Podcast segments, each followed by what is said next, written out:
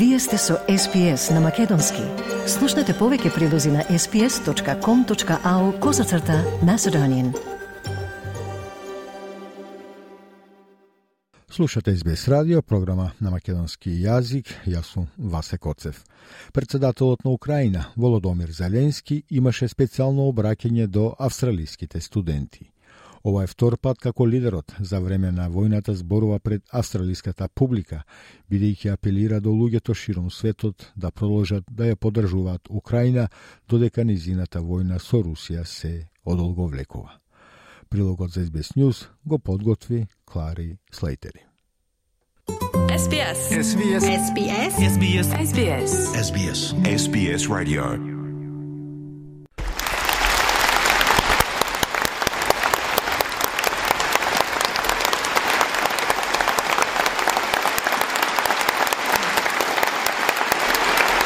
Тоа беше знак за нивото на почит кон Володомир Зеленски кај австралиската јавност, со тоа што доби не еден, туку три стоечки овации. Возбудливиот аплоз следеше по обраќањето на украинскиот председател до австралиските студенти.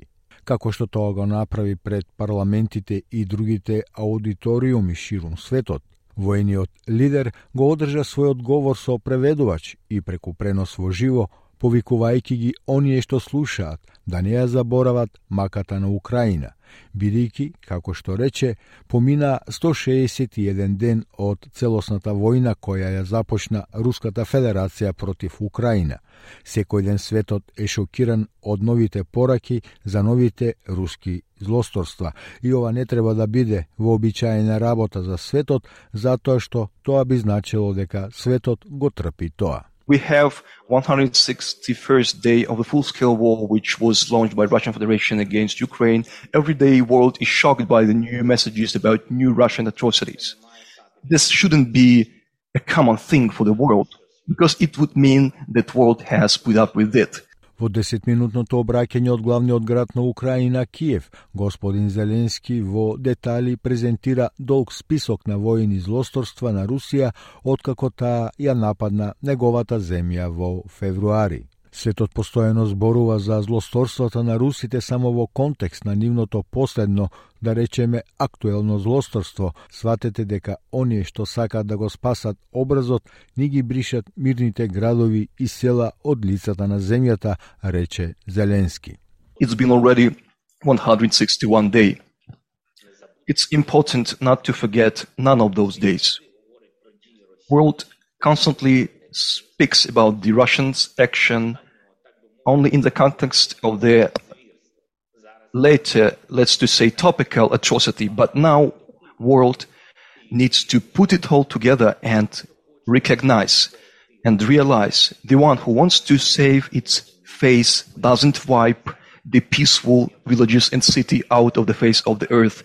Тој додаде дека е време светските тела, вклучувајќи ги Обединетите нации, НАТО и Европската Унија, да ја прогласат Русија за терористичка држава, додавајќи меѓу другото дека разликата помеѓу терористот и Русија е во тоа што терористите се сметат себе си за одговорни, а Русија не може да го направи ни тоа. И секога се обидува да ги обвинува другите луѓе за нивните The one who lost his mind, his heart, his conscious dignity, all that human has, this is the one who lost it long ago. And the difference between terrorists and Russia is that the, Ru- the terrorists hold their accountable, accountable for their action, and Russia cannot do even that and try to accuse other people of their atrocities.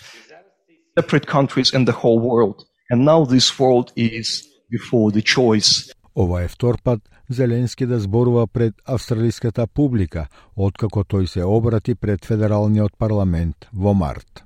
И тоа не е прв пат тој да одржи говор пред студенти на странски универзитети, што веќе го направи предходни во САД, Британија, Канада и Јапонија.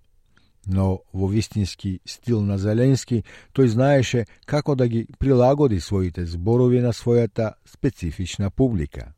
Тој им се заблагодари на австралијците и на федералната влада за нивната постојана поддршка, вклучувајќи околу 390 милиони долари воена и хуманитарна помош, велејќи дека во моментов Австралија и дава една од најголемите војни подршки на Украина меѓу земјите кои не се членки на НАТО и дека за тоа Украина е благодарна, но и дека е потребна подршка од сите цивилизирани земји со кои ќе застанеме заедно и ќе го победиме злото, рече Зеленски.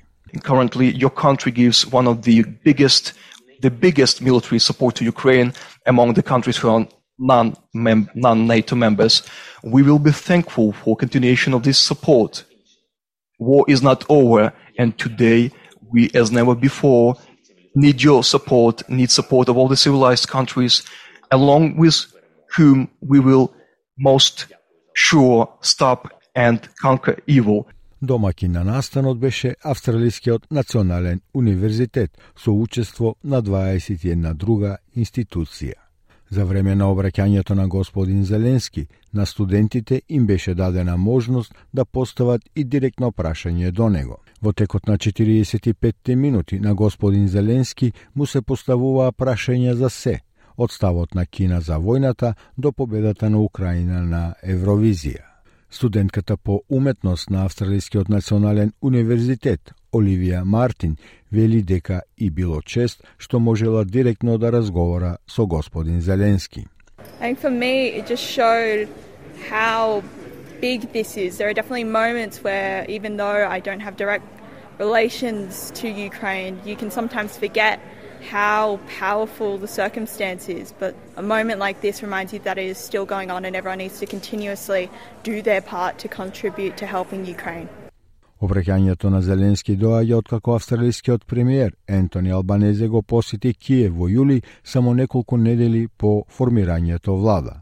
Тоа исто така се случува во период кога руските сили полека зајакнуваат на истокот на Украина, но се повлекуваат назад на југот од земјата. Експертите велат дека рускиот председател Владимир Путин се надева дека, како што војната се одолговлекува, вниманието на Западот ќе почне да опаѓа. Затоа Зеленски ја проложи својата глобална кампања за односи со јавноста. Канцеларката на АНУ, Джули Бишоп, вели дека руската инвазија е наврада за човештвото и слободата и вели дека украинскиот лидер застана цврсто пред руската агресија, собирајќи го својот народ преку неговото присуство и неговите зборови. Неговата енергија, неговата решителност, вели Бишоп, неговото застапување за слобода против тиранијата ги инспирираше луѓето широм светот. Ukraine's leader has stood firm in the face of Russian aggression. Rallying his people through his presence and his words, supporting his military as they inflict significant losses on the invading forces. His energy, his determination, his advocacy for freedom against tyranny has inspired people around the world. Амбасадорот на Украина во Австралија Васил Мирошниченко вели дека е презадоволен од вниманието што го доби настанот. Тој вели дека е важно следната генерација да ги научи тешките лекции од искуството на Украина. Today, Prime Minister Albanese has ordered the review of the defense posture of Australia. SBS. SBS. SBS. SBS. SBS. SBS. SBS Radio. Сакате ли да чуете повеќе прилози како овој? Слушате подкаст преку Apple Podcasts, Google Podcasts, Spotify или од каде и да ги добивате вашите подкасти.